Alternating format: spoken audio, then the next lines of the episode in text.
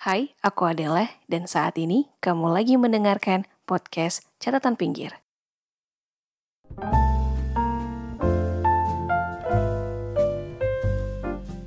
Hai teman-teman pendengar, terima kasih udah mampir ke episode ini dan kalau nggak keberatan, dengerin sampai akhir ya. Gimana kabar kamu semuanya? Sehat-sehat ya di sana, jangan sakit-sakit. Belakangan kayaknya lagi ada berita yang lagi sering warawiri di internet. Selain soal Rusia dan Ukraina ya, yaitu soal seorang Crazy Rich Indonesia yang ternyata jadi tersangka penipuan dan terancam dimiskinkan. Wow.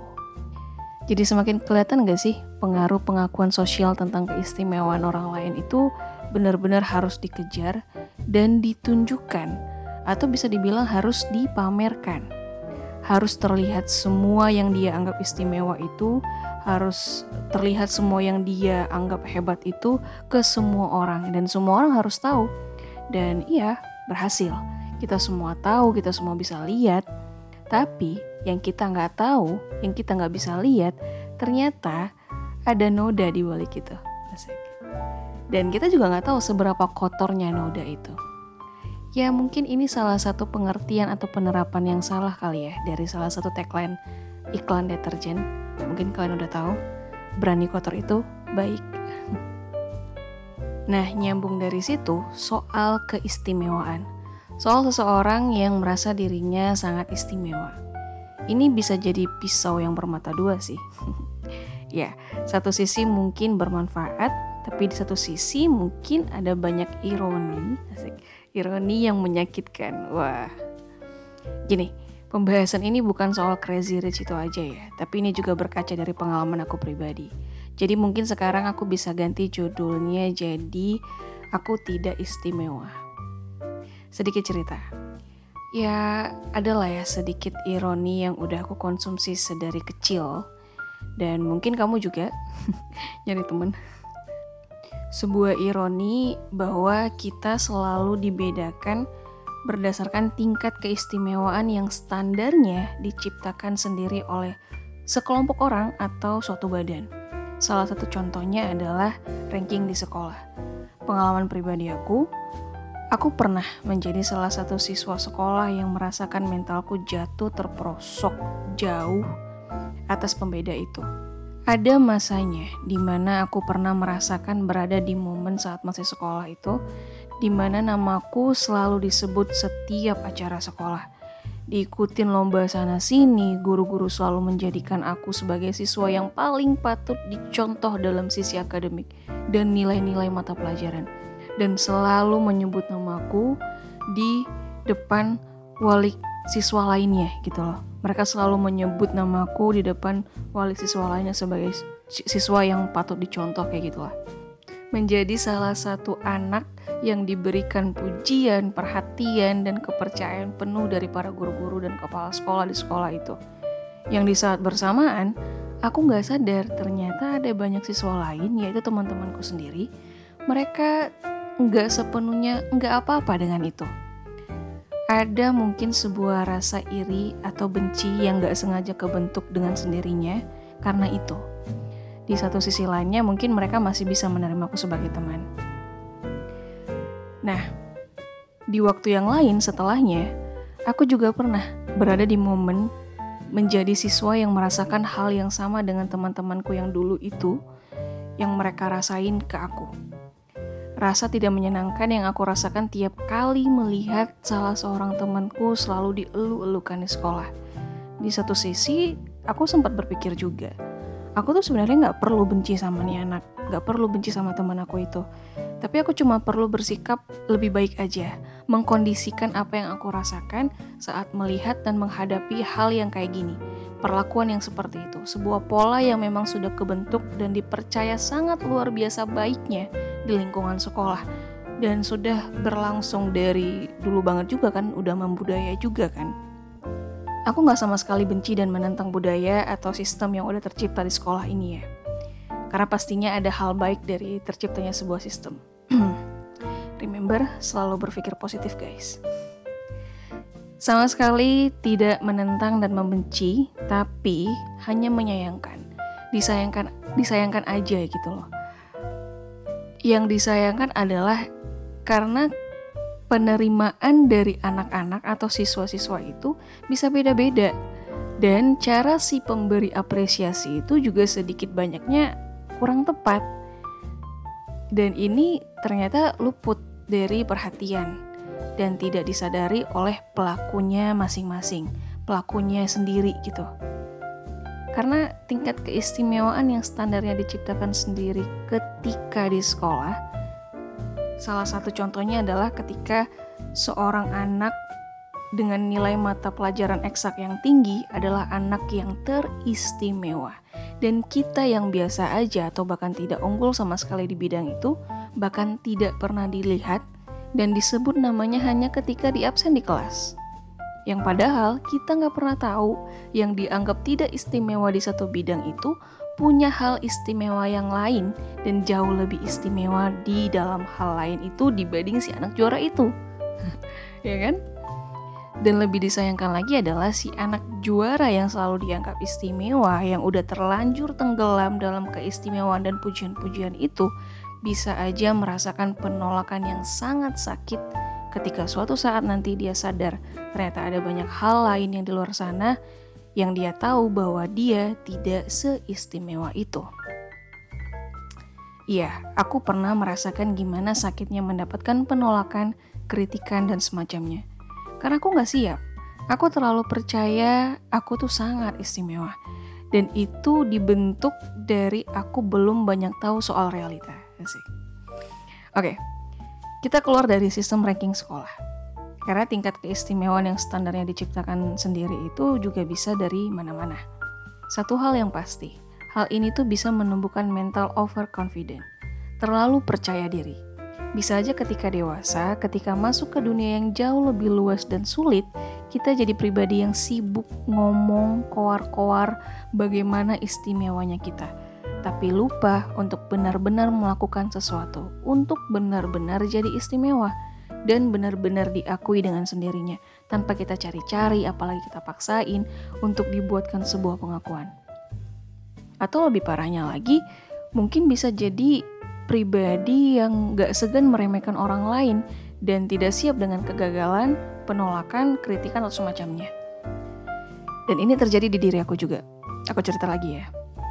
Ketika aku kuliah dulu, aku sempat kontrak di sebuah rumah kecil dengan empat orang temanku lainnya. Dan di saat itu, di, di antara mereka, aku cukup berada di posisi yang mungkin sedikit lebih dari mereka dengan nilai-nilai akademik yang sangat baik dan menonjol.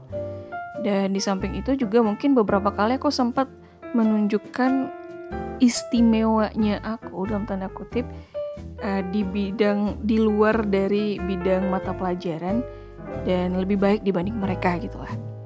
Ya sekali dua kali mungkin mereka mengakui dan memuji lah ya. Wah hebat, keren, bantuin dong, kamu kan bisa lalala segala macam. Wah, Makin dipuji, makin terbanglah aku. Makin besar kepalaku, makin jumawa lah akhirnya. Dan makin bikin mereka jengkel lama-lama. Pastilah, pasti jengkel mereka. Pasti gerah juga mereka tinggal bareng sama orang kayak aku. Dan itu tadi, karena ngerasa istimewa, gampang buat aku buat meremehkan orang lain, buat meremehkan mereka, dan menganggap orang lain gak seistimewa aku. Dan kamu tahu akhirnya, Mungkin karena saking kesel dan gedeknya mereka kali ya. Mereka uh, berusaha mencoba cari kelemahan aku atau sesuatu yang jelas terlihat bahwa aku tuh nggak ngerti apa-apa di hal itu gitu. Mereka mencoba uh, apa uh, ya mungkin melakukan sesuatu, merencanakan sesuatu atau gimana aku kurang ngerti. Dibantu juga sama satu dua orang lain, teman-teman aku juga yang mungkin sama jengkelnya juga ke aku. Akhirnya mereka memanfaatkan sebuah situasi yang jauh banget dari yang selama ini aku banggakan, yaitu soal relationship. Aku nggak tahu gimana kejadiannya, gimana prosesnya, segala macam. Aku nggak tahu alurnya kayak gimana. Tapi satu hal yang paling membekas di aku sampai dengan detik ini adalah momen di mana akhirnya mereka menertawakan aku dengan keras bareng-bareng. Menertawakan aku terus kalian bilang, kamu tuh cuma taruhan doang tau. Hahaha. Dia tuh nggak bener-bener suka sama kamu. Tuh sakit kan diputusin, di ghostingin, gitulah cerita kalau istilahnya zaman sekarang ya. Uh, itu dunia rasanya mau runtuh. Terlebih itu juga melibatkan satu orang yang deket banget sama aku waktu itu dan yang aku percaya udah kayak adik sendiri. Tapi ternyata dia adalah salah satu pemeran utama. Momen itu sebenarnya aku lagi dalam kondisi yang gak baik-baik aja. Selain karena aku baru diputusin, di ghosting gitu ya, ya baru disakitin lah gitu sama cowok. Terus di saat itu aku juga baru balik nih ceritanya dari rumah aku ke Medan, ke kontrakan itu untuk besoknya siap-siap mau kuliah lagi. Nah, aku baru balik ngeliat lah di kamarku itu ber, apa barang-barang aku tuh berantakan. Banyak banget barang-barang aku yang hilang juga. Nah, aku tuh akhirnya ngedatangin mereka setelah aku pulang dari rumah gitu ya. Berangkat sampai ke kontrakan, akhirnya aku uh, ke kamar ngeliatin kondisi kamar yang kayak gitu. Aku datengin mereka terus marah, terus nanya, kalian apa kan nih barang-barang aku gitu? Ke mana nih kok hilang? Bla bla bla gitu. Terus uh, salah satu dari mereka jawab aku pakai terus aku nggak tahu lagi di mana. Hilang kali. Wah aku marah banget aku kecewa banget di situ. Dengan polosnya aku tanya kenapa dengan kalian? gitu. Mereka cuma ketawa emang sih ada satu orang yang diem aja kelihatannya dan nggak membuli. Uh, tapi tetap aja sih ras sakit aja rasanya gitu. Terus mereka ngomong lagi kami capek ngeliat kamu tahu iya emang kamu hebat pinter bla bla bla nilai kamu bagus. Tapi besar kali kepalamu itu macam kau aja yang paling cantik. By the way, semua dialog itu pakai logat anak Medan ya, logat Sumatera Utara, karena emang kejadiannya di sana. Terus salah satu dari mereka akhirnya nambahin, nambahin lagi. Aku sih nggak ikut-ikutan banget. Tapi aku udah tahu dan ikut juga sih sedikit dari lama. Kamu tuh cuma taruhan si R doang. Hahaha. Ketawa ya. Yang lain ikut ketawa juga tuh. Waktu itu aku cuma bisa diam, marah, kecewa, tapi malu juga. Jadi aku cuma bisa nangis, masuk ke kamar, ngurung diri di kamar. Setelahnya mungkin perlahan memang membaik, Aku juga jadi banyak diem akhirnya karena aku sadar ternyata mungkin perlakuan aku selama hari ini mereka nggak suka. Perlakuan aku selama ini mungkin banyak yang menyinggung mereka. Tapi juga alhamdulillah mereka mengakui mereka cukup keterlaluan ketika itu. Jadi ya bisa dibilang kami saling memaafkan, tapi ya pakai apa ya maksudnya saling memaafkan tapi rasanya tuh masih nggak nyaman gitu loh. Masih gimana gitu? Masih bisa memaafkan tapi mungkin belum bisa melupakan gitu kali ya. Sekarang sih hampir nggak pernah lagi aku tahu kabar mereka. Sesekali sempat coba cari tahu tapi beberapa nggak ketemu. Apalagi sekarang kan jarak aku udah jauh di Jakarta. Oke. Okay. dari pengalamanku ini aku benar-benar ketampar keras banget. Dan jadi hal yang cukup traumatis sekarang sempat susah untuk cepat percaya ke orang, susah buat buka hati ke orang yang kelihatannya baik, nice guy, tapi nggak tahu di belakangnya gitu. Aku selalu punya trauma untuk kayak, ih jangan jangan nanti dia kayak gini kayak gini gini gini. Sempat kayak gitu.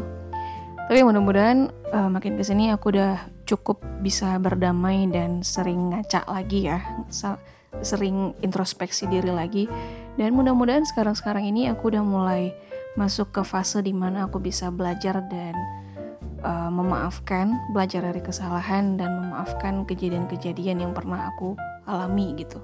Dan memaafkan diri aku sendiri juga. Eh kayaknya aku mau nyapa mereka bentar deh.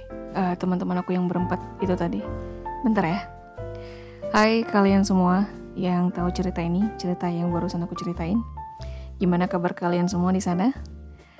Makasih banget buat tamparan dan pembelajaran pahit yang dulu itu. Maaf banget, aku gak pernah bisa jadi teman yang baik. Kalian kesel, jengkel, dan aku yang terlalu tinggi hati dengan hal-hal yang bikin aku seolah istimewa banget untuk segelintir hal doang.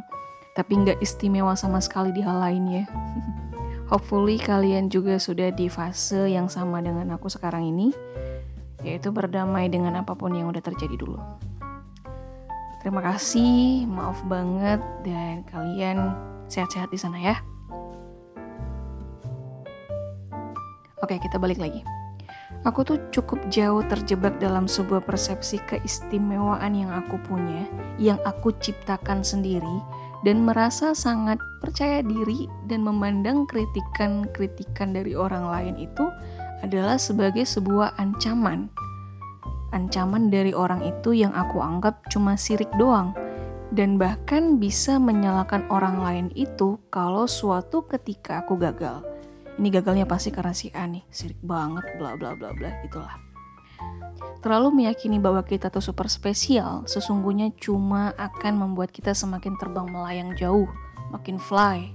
Yang kita nggak tahu kapan pun kita bisa jatuh dan itu sama sekali bukan sebuah keyakinan yang bisa bikin hidup kita bahagia ini mungkin cuma masalah waktu doang kapan dan akan bagaimana dan seberapa sakitnya nanti ketika jatuh Oke, semoga dari ceritaku tadi bisa diambil hal-hal baiknya ya. Oke, kita move lagi. Satu kenyataan pahit lagi yang akhir-akhir ini sering terjadi di sekitar kita adalah cukup banyak orang yang cukup percaya diri bahwa dia bisa mendapatkan hal-hal baik tanpa berusaha. Bisa kaya tanpa harus bekerja, dan bisa seistimewa orang-orang terkenal di sosial media itu yang terlihat di dunia internet itu yang selalu memamerkan hartanya dan tidak sadar itu pun sebenarnya didapat dengan pengorbanan. Satu hal yang memberatkan adalah kita tuh sebenarnya nggak siap dengan pahitnya dan sakitnya masalah kita sendiri yang lagi kita hadapi. Dengan mencoba terus mengistimewakan diri, mencari pembenaran, dengan mencari terus kebaikan yang kita punya, yang yang kita mau, yang kita ciptakan sendiri standarisasinya, yang ketika nggak ada kita nggak terima. Padahal mungkin ya dari itu semua sebaik-baiknya apresiasi diri adalah dengan mengakui keterbatasan atau kekurangan diri sendiri dan tidak menolak itu. Dan bisa jadi itu juga cara kita lebih bisa menghargai diri sendiri. Sama kayak pengalaman pribadi aku yang tadi ketika aku tumbuh dan tenggelam dalam keistimewaan yang tercipta dan aku sangat meyakini itu aku denial dengan hal-hal lain yang aku nggak bisa dan aku nggak mau mengakuinya aku cukup takut buat hadapi masalah ketika aku nggak bisa itu gitu loh. Ditolak begini begitu atau, atau semacamnya dan menciptakan kebahagiaan dengan cara seperti itu. Semakin membesar-besarkan kepalaku dan meninggi-tinggikan hati. Dengan cukup mencoba mengakui bahwa aku tidak istimewa, aku punya kekurangan ini dan itu. Dan lalu harusnya aku belajar dari situ, dari kekurangan itu dan dari keterbatasan itu yang siapa tahu setelahnya benar-benar jadi istimewa dan tidak menghalalkan segala cara untuk terlihat dan diakui istimewa. Oke, okay, cukup buat episode kali ini. Makasih banget udah dengerin sampai akhir sekali lagi. Maaf mungkin ada penyampaian yang kurang baik juga tadi di ceritaku dan uh, pokoknya keseluruhan penyampaian aku ambil yang baik-baiknya aja ya. Sekali lagi terima kasih dan teruslah berbagi hal-hal baik.